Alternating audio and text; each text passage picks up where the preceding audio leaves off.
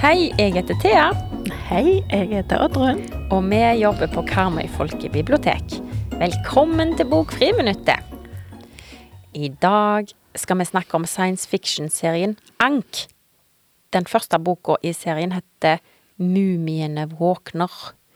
Og du har lest denne serien, du, Oddrun? Ja, det har jeg. Det er en spennende og humoristisk science fiction-serie. Den sjette og siste boka i serien har vi akkurat fått inn på biblioteket. Ja. Kan du fortelle litt mer om denne serien?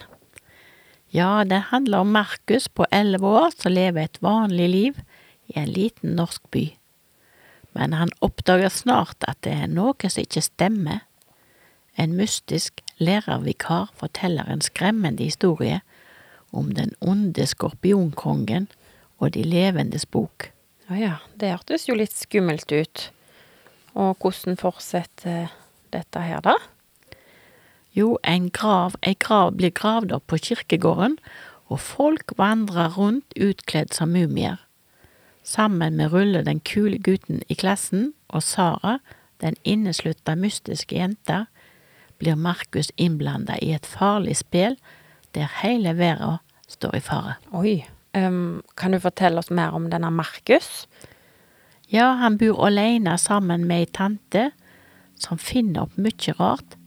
Blant annet har hun funnet opp en robot som er sammen med Markus hele tida. Det er tanten som har programmert den. Mora til Markus forsvant for flere år siden, og ingen vet om hun lever eller død. Markus har òg en spesielt høy IQ.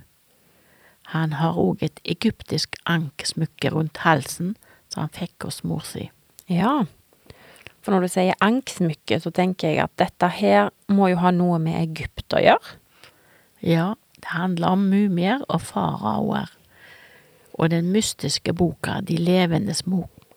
Der står det oppskrift på hvordan man kan vekke døde til liv igjen.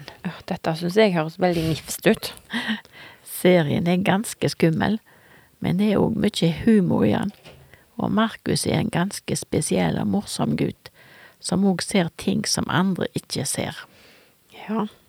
Jeg tror ikke at jeg tør å lese denne serien. Men hvis du som hører på er modigere enn meg, så kan du låne disse bøkene på Karmøy folkebibliotek.